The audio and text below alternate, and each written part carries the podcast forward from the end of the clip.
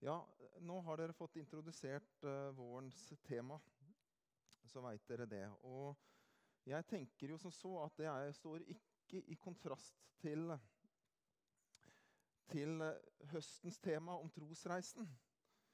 Nei, heller tvert imot. Dette henger sammen. Så vi vil gjerne høre historier fra trosreisen framover også. For jeg tror vi vil oppleve og oppdage at uh, langs denne trosreisa vår da, så er det sånn at igjen og igjen så kan vi oppleve at Gud kommer og gir oss nytt liv. Og Det er det jeg skal prøve å få dele noen ord om i dag. Så jeg håper også å kunne få dele noen ord til både inspirasjon og så kanskje en liten sånn utfordring til slutt. Eller stor, kanskje til og med.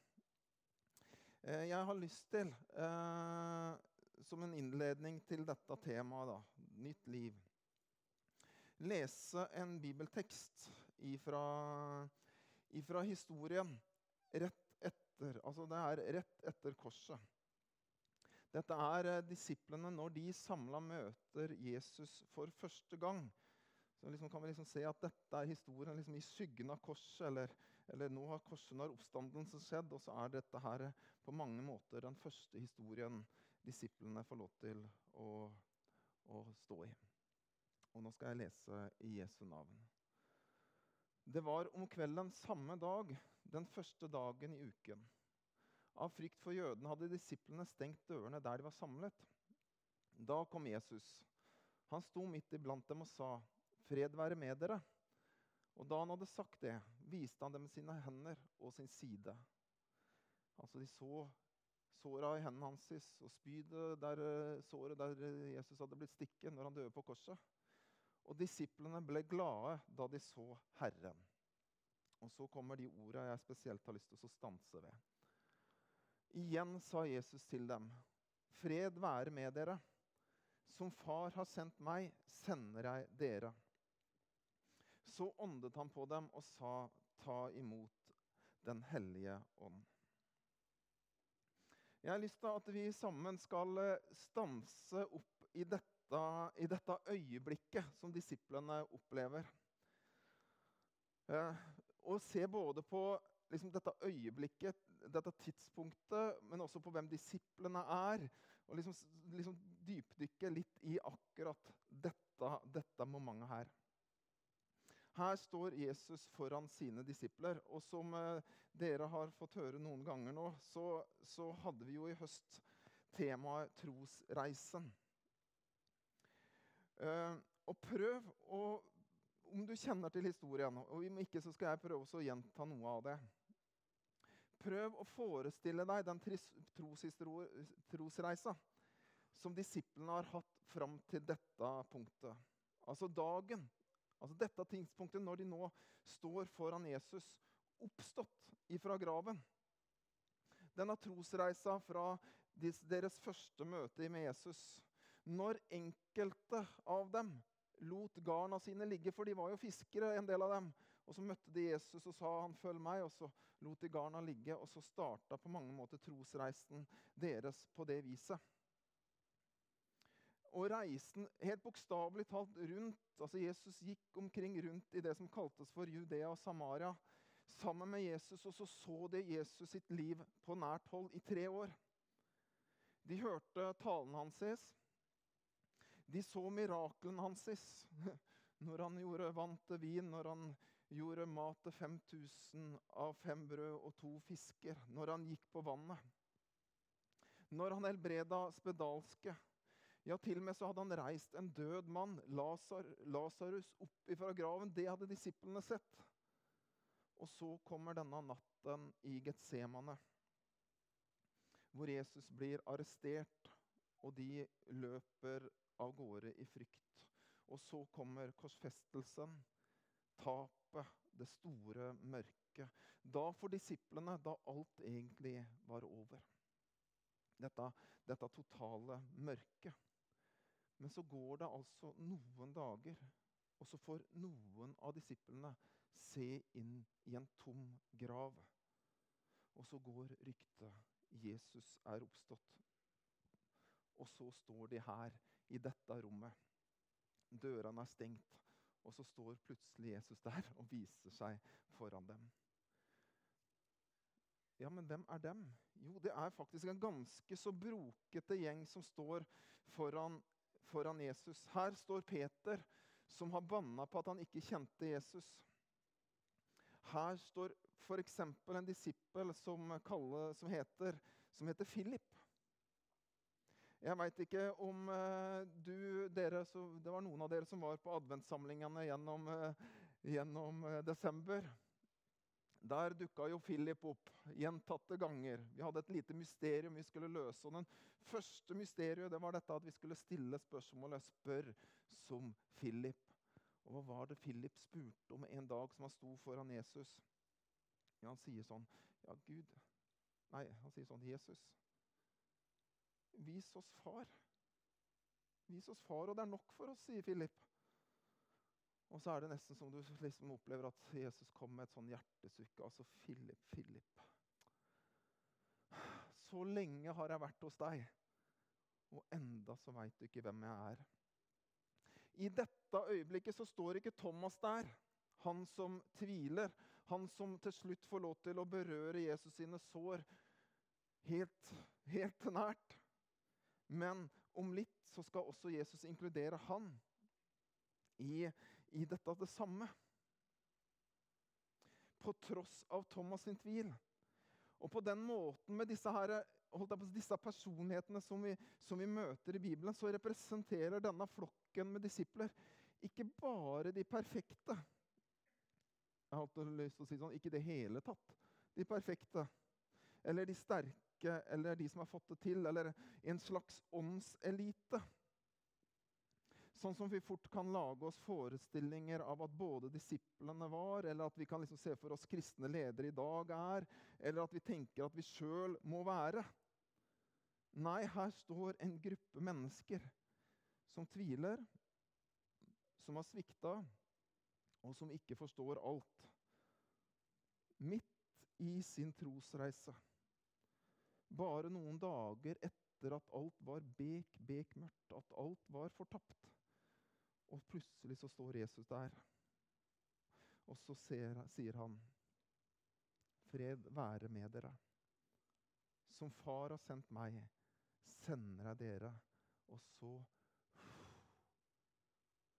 Så puster han på dem og sier, 'Ta imot Den hellige ånd'. Det er som om Jesus sier 'Jeg ser dere'. Jeg veit hvem dere er. Jeg kjenner til svik og tvil og sår. Ja, jeg kjenner din trosreise. Men nå, kjære deg, nå starter noe nytt. Og så puster han livet i dem det er, jeg tror at Rent bokstavelig så, så puster Jesus sin ånd og sitt liv inn i dem. Men samtidig så er det noe jeg har lyst til å kalle noe profetisk over det han gjør. da. Det er som om Jesus plasserer disiplene i en, i en gammel historie. Nemlig i skapelsesfortellingen. For hva lærer, eller hva forteller skapelsesfortellingen om, om skapelsen av mennesket? Jo, det står sånn i første Bosebok, kapittel 1, vers 7. Da formet Herren Gud mennesket av støv fra jorden. Han blåste livspust i nesen på det, og mennesket ble en levende skapning. Altså, I denne Guds pust så er det hele livet skapes. Altså hele hensikten med mennesket i seg sjøl. Skapt av Guds pust. Ment for å leve i Guds pust. Helt avhengig av denne pusten ifra Gud, ifra Hans sin ånd. Ja, igjen, det er som det han sier han gjør, det er større enn det, det, vi, bare, det vi ser i det første. I det første, Det er som han sier, altså at jeg fant dere bak fiskegarn og tollboder. Men det er dette du er ment og skapt for. Dere har ikke fått til alt, dere har svikta, ikke forstått. Dere har tvilt. Men dere er fortsatt i min plan, for jeg har gjort alt. Ta imot Den hellige ånd. Og så, så starter noe nytt. Og som jeg starta med, nå står de der på nytt, på et på mange måter på en, på en ny måte. Ikke, for, ikke på grunn av hva de har gjort, men fordi at det har skjedd noe. Siden første gangen han møtte dem ved garna. Korset har skjedd. Oppstandelsen har skjedd. Og det er i dette, det er i dette Jesus gjør på korset gjennom å over synd og død og Satans makt. Å stå opp ifra graven. At mirakelet skjer. Det er at i dette at alt blir nytt. I denne verden. Håp, nåde og frelse. Og for evigheten, som vi fikk se en liten glimt av på denne filmsnutten her. Faktisk noe så enormt som en ny himmel og en ny jord så er det noe med pust. Pust er noe som gjentas. Ikke sant? Puste inn, puste ut. Jeg kjenner jeg sliter av og til når jeg blir så ivrig når jeg står og preker her, men jeg må minne meg på det. Og det er sant.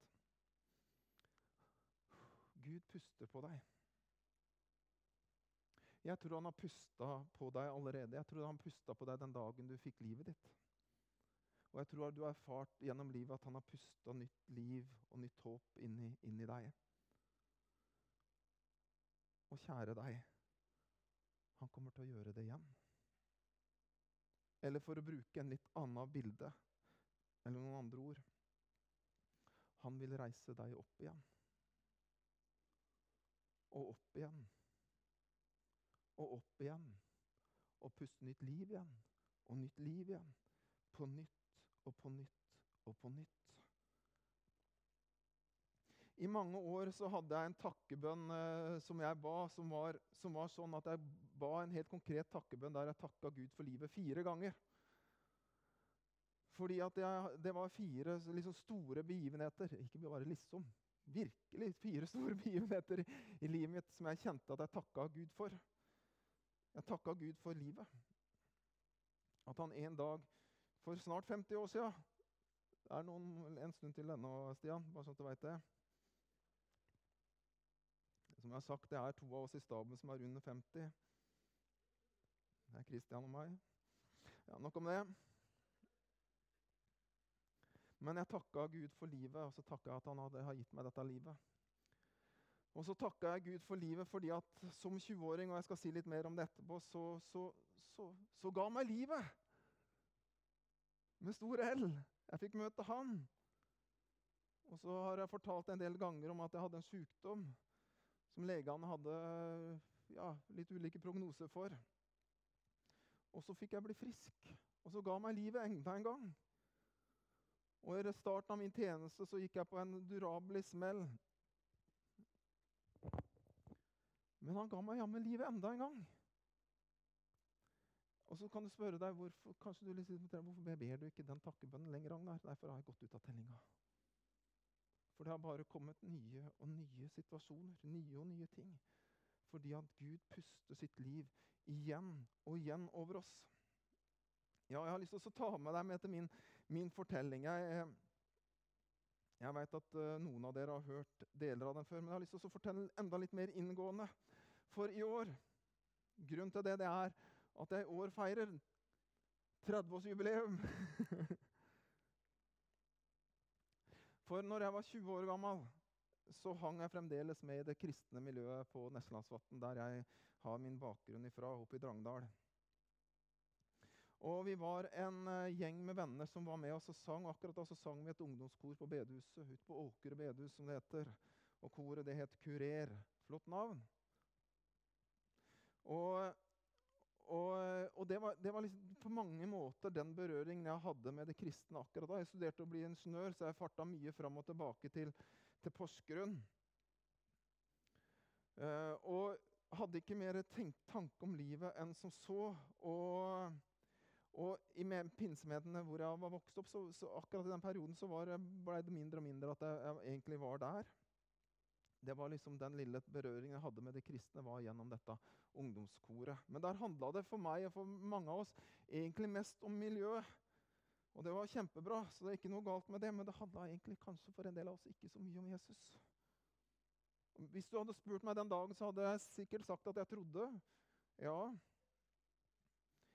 Men jeg følte på mange måter at dette kristenlivet var noe som jeg ikke passa inn i.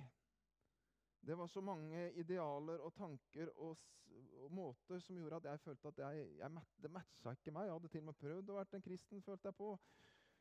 Og jeg følte at jeg ikke fikk det til. Og egentlig så ebba på mange måter mitt, mitt trosliv, hvis det var noe i det hele tatt, det ebba ut som sand i et, i et timeglass. Og så skulle vi synge på et fellesmøte som da dette året, fordi at Hvert år så var det fellesmøter i kroken mellom bedehusa det er en del av det i kroken, og pinsemenigheten og kirka. Og så blei vi spurt om å synge. Jeg tror det var en lørdagskveld. Eh, og, og det, det, dette året så var fellesmøtene i pinsemenigheten hvor jeg var født og oppvokst. Og Så kommer jeg inn i en, et lokale som jeg har vært i siden jeg var liten gutt. Og så kjente jeg at her er noe annerledes. I, altså Det er noe her i dag. Jeg kunne ikke liksom forklare det. Det var sånn fortetta. Og vi sang våre sanger. Vi tenkte at vi skulle ut og ha det kjekt. sånn som vi brukte å ha i helgene. Ikke det at vi gjorde så veldig masse ville ting, men vi gjorde veldig mange morsomme ting. Og så predikanten, en som het Terje Bjørntvedt, som er, betyr enormt mye for meg. Jeg husker ikke hva han talte om den kvelden. Men det, denne, denne, atmosfæren gjennom alt som skjedde, den bare fortetta seg mer og mer.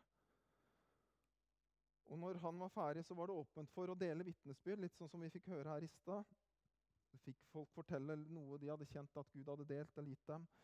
Da reiser det seg opp en voksen mann. Jeg holdt på å si eldre mann, han var vel kanskje den, på den alderen jeg er nå. En ung mann reiste seg opp. En som eh, jeg kjenner godt til fordi han er pappa til en av mine beste kamerater. Og jeg aldri, Han går tilhører menigheten jeg hadde vokst opp, og jeg hadde aldri sett han reist eller hørt han sagt noe offentlig noen gang. Jeg tror aldri hørt han det etterpå heller. Og, jeg, Han kommer fram, og så skjønner jeg at han, han har det skikkelig vanskelig. fordi han, det er et eller annet, Han er, har en eller annen slags byrde som han må bare få, få lesse av seg. Og Så sier han at 'jeg har hatt en drøm', sa han. Jeg hadde tenkt å fortelle det på et annet møte, men jeg klarte det ikke da. Men nå skal jeg fortelle det, så det er kanskje riktig av meg å dele det i dag.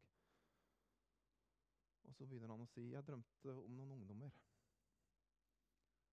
som var med, et, som med, var med et løp. Jeg lå en natt og så drømte jeg så for meg noen ungdom som var med i et løp. Men de hadde så god tid. Og så ser jeg at tida holder på å gå ut for dem. Og så ligger jeg søvnig. Jeg har så lyst til å rope og si til dem at nå må dere, dere må våkne. Dere må våkne. For tida holder på å gå fra dere. Og så gikk han og satte seg. Og så kjente jeg den atmosfæren virkelig bare for, altså kom over kroppen min og over meg. Jeg kjente at dette her handler om meg og mitt liv. Så kom det to mannfolk til opp og fortalte nesten tilsvarende drømmer, bare litt andre typer bilder. Som de også hadde hatt den siste tiden.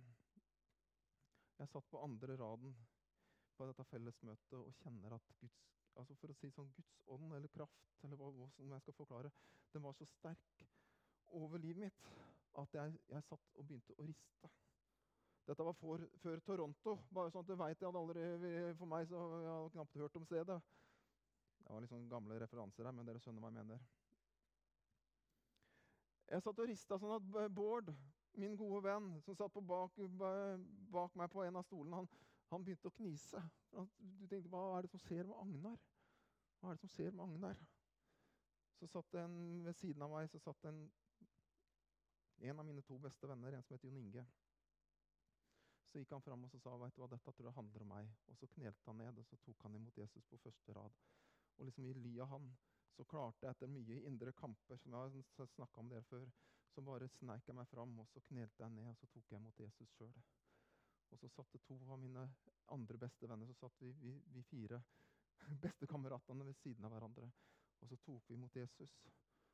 Og når jeg åpna øynene mine, så husker jeg at jeg så det satt det bare nesten hele ungdomsflokken fra dette ungdomskoret satt Og så tok vi imot Jesus, og så pusta han livet.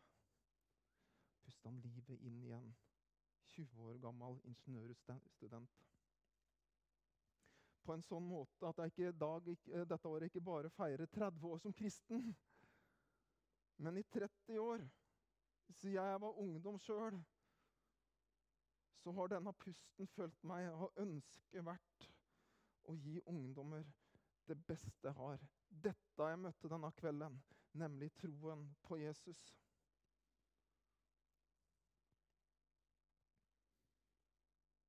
Og så kan jeg fortelle dere da, at dette jubileumsåret Jeg veit ikke hvorfor. Jeg har vært med og planlagt det sjøl. Det starta med ungdomsleir her i kirka vår. Den forrige helg så fikk jeg lov til å være på konfirmantleir. På nyttårsleiren så fikk jeg lov til å sitte i, i salen der jeg hadde ikke en eneste andakt. Det bruker jeg som regel alltid å ha når jeg er på ungdomsleirer. Ikke en eneste andakt. Jeg gjorde laga litt mat. Men ellers så fikk jeg bare lov til å se ungdommene dele om troen sin med hverandre. Og lovprise Gud. Og lede oss i lovsang. Det var helt fantastisk. Forrige helg så fikk jeg lov til å være på Konfirmantviken med 88 stykker. Og jeg fikk lov til å undervise om seksualitet. Det er fantastisk hva man kan få lov til å være med på! Helt ufattelig å kunne se tilbake på det. Jeg har lyst til å stoppe litt opp der. Og så tenker Agnar, 19,5 år gammel Han hadde ikke i sin villeste fantasi tenkt noe sånn. Så har det sånn som Gunn og Trond så fint fikk fram. Det, det er liksom ikke sånn planke liksom der, Nå har det liksom bare vært en sånn der eh, flytur. Det var en, en, venn av meg som sa det når jeg etter tre år i, på Nesjelandsvatn. Så var det en venn av meg som sa det sånn Agnar, du har flydd i tre år, sa han. Men jeg har dessverre landa noen ganger òg. Og krasja noen ganger. Men jeg har trengt, og jeg trenger igjen og igjen at Gud kommer og blåser nytt liv. Jeg er hele tida avhengig av det. Jeg har lyst til å ta med deg på en liten fortelling til hvis, er, hvis dere har jeg må kikke på klokka hvis dere har tid til det. Litt for å fortelle litt, litt mer. fordi at så fikk jeg lov til å være pastor bli pastor etter hvert. da. Det, kjære vene, hvem hadde tenkt det? Uh, og i Tistedal der fikk jeg være pastor i 18 år. Og jeg starta i 2003, og etter syv år så bygde vi ny kirke i Tistedal i 2010. Og jeg kan bare si at på det tidspunktet Akkurat da så trodde Agnar at han var blitt Supermann. Det er faktisk sant. Altså, jeg kjørte et tempo av en annen verden. For det første så var det sånn at ting eksploderte litt i barn- og, og juniorarbeidet vårt på en sånn måte som ikke vi hadde erfart før. Særlig juniorarbeidet vårt. Der hadde Vi det sånn, jeg husker at vi hadde en, et klassetrinn, vi hadde med to klassetrinn på Øberg skole, og vi hadde nesten alle sammen på junioren vår. Og når, skulle, når, de skulle ha sommeravslutning og skulle gjøre seg ferdig med barneskolen, bare for å nevne et lite eksempel, så dro, vi, så dro Linda og meg for å være med på sommeravslutning med, ja, med, den, med, med klassa deres. Syvende klasse blir vel det, da. Og hele idrettshallen på Gamle Øberg skole, der var lærere og alle foreldre samla. Og så skulle de ha et opptrinn for, for Klassen skulle ha et opptrinn for, ja, for oss, da. Og så går begge to klassene opp på, på, på scenen. Og så går den ene klassa, A-klassa, til den ene siden. Og så går den andre klassa, B-klassa, til den andre siden. Og så begynner den ene siden å synge You are holy, you are holy. Og så begynner de andre å gjenta. Og så synger de den gamle, flotte sangen, eller nye, eller hva det nå er. Sangen til Michael W. Smith. Og så dunker Linda i siden og så sier jeg, 'Den har jeg lært i', sier hun. og så kunne vi se der at det var kanskje to-tre stykker, men de satt og sto og jammen og sang, de òg, som ikke vi hadde på junior vår. Altså det, det skjedde så fantastiske ting. Og vi bygde ny kirke, og jeg var på dugnad. Og, og det var full fart. Og jeg dro på Kornsø, Kornsø opp på konfirmantleir. Hadde handla inn, jeg skulle ha undervisning. Og praktisk ansvar og kommer opp til Kornsøbukta med posen inn på kjøkkenet, og så går jeg i bakken. Så det synger. Kollapsa. Sånn at jeg ble henta av ambulanse. Man trodde kanskje at jeg hadde fått et hjerteinfarkt eller noe. Jeg trodde at det var over. Kom til legen, ingenting var galt. Bare utbrent. Ikke av frustrasjon, for alt det var jo så spennende. Og jeg ville så, så gjerne tilbake. Altså, Vi bygde jo kirke. altså Junioren vår, altså hallo! Neste sommeravslutning vi var på I det samme klasserommet da klarte jeg ikke å, å være der. I samme eh, gymsalen. Jeg klarte ikke å puste. Kroppen og psyken, det makta det ikke. Jeg husker at noen sa til Magnar du må, du må, liksom, du må gjøre noe. du må gjøre noe praktisk. Ikke, altså når ingen andre er der, som bare dra opp på kirka så, og så gjør litt dugnad. vet du. Og jeg hørte på det. For en tufs. Jeg husker at jeg gikk inn på kirka. Det var, bygge, bygge, det var liksom byggearbeid. Ingen var der. Så gikk jeg inn på det innerste barnerommet og fant fram en kost. Jeg tenkte at det er det eneste jeg orker å gjøre. Og så sto jeg inne på dette, det som vi kalte for Laban-rommet etter hvert. Og så sa jeg jeg klarer ikke å puste. Her skal du være pastor. Du kommer aldri Du kommer aldri til å klare det igjen. Så er det for lang tid til at jeg skal forklare dere veien tilbake. Men det jeg kan si til dere, det er at fra 2010 til at jeg flytta hit i 2021, så fikk jeg lov til å oppleve de elleve mest spennende årene jeg har hatt i min tjeneste.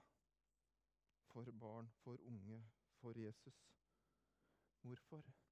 Jo, for Gud pusta nytt liv. Takkebønnen min fikk et nytt ledd. Takk for liv igjen.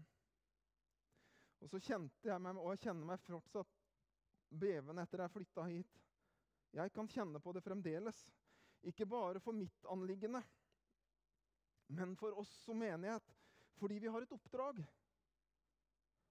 om å gi det beste vi har videre. Og det klarer vi ikke aleine. Altså, Gud, pust nytt liv i oss. Vi er takknemlige for det som ligger bak. Og I dag har du fått en liten dose, kanskje litt for stor dose, av gamle historier fra Neslandsvatn og Tistedal. Men vet du, jeg har ikke et ønske om å leve på det for resten av livet mitt. Og om det blir for mange ganger, så skal du få lov til tillatelse her og nå til å rekke opp neven og si Agnar, det holder nå. Og jeg hører gjerne på dere fra gode, gode, historier fra gamle dager her også. Fra tida før jeg kom hit. For det er så mye spennende som har skjedd inni og gjennom denne kirken gjennom tiden. Men Gud, pust på nytt. Inn i mitt liv. Inn i vårt liv. Inn i vårt fellesskap. Inn i det som er din menighet. Pust nytt liv inn i den som er sliten. Pust nytt liv inn i den som er motløs. Pust nytt liv inn i dem som sørger. Pust nytt liv inn i de som har latt kall og tjeneste bli kald. Ja, pust nytt liv inn i våre harde hjerter. Pust nytt liv inn i barn, inn i unge, inn i voksne, inn i eldre. Jeg har lyst til å si det sånn at jeg ønsker å både oppmuntre dere og utfordre dere, dere gjennom dette temaet for høsten, nytt, nytt liv. Det er oppmuntringen. Det er at Gud, han, han er klar. Han vil puste sitt nytt liv inn i oss. Det er jeg helt sikker på. Og så blir utfordringen det jeg kalte den lille, eller som jeg har endra til den store utfordringen. Til meg sjøl og til oss alle sammen. Ja, skal vi åpne opp for det? åpne opp for at Gud kan puste nytt liv inn i oss. Nytt håp, ny kraft, ny kjærlighet, nytt engasjement, ny tro, nytt liv. Jeg har lyst til å dele en tekst med deg til slutt. Om dette nye livet. Om hva Gud kom til å gjøre. Nå får du fasiten. når vi åpner opp. Og fasiten er det veit vi ikke, men det kommer til å bli spennende. For vinden blåser dit den vil. Du hører den suser, men du vet ikke hvor den kommer fra, og hvor den farer hen. Slik er det med hver den som er født av Ånden. Så hvis du tenker at du vil ha et begrensa liv der du er helt trygg på hva som kommer til å se framover, så ikke åpne deg opp.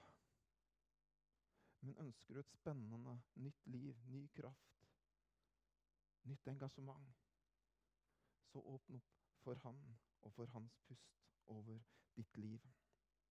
Herre, pust nytt liv over oss. Vi ber. Amen.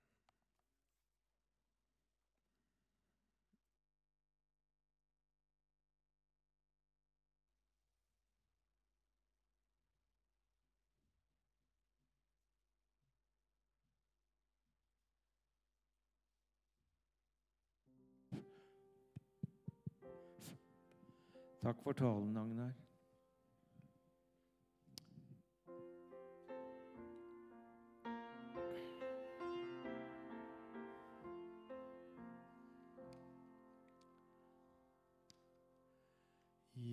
Er lykkelig, Jesus, min frelser så kjær.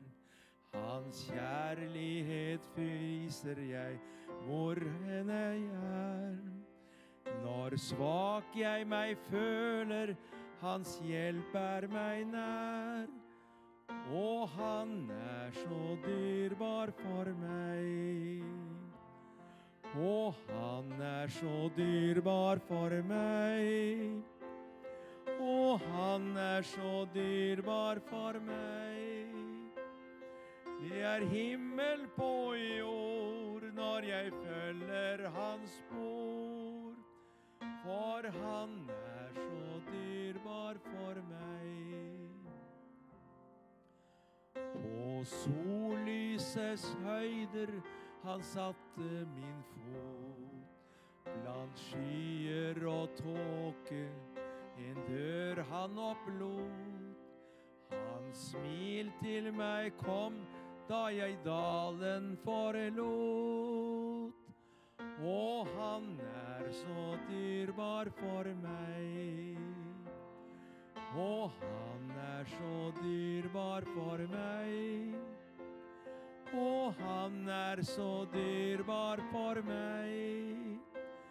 Det er himmel på jord når jeg følger hans spor.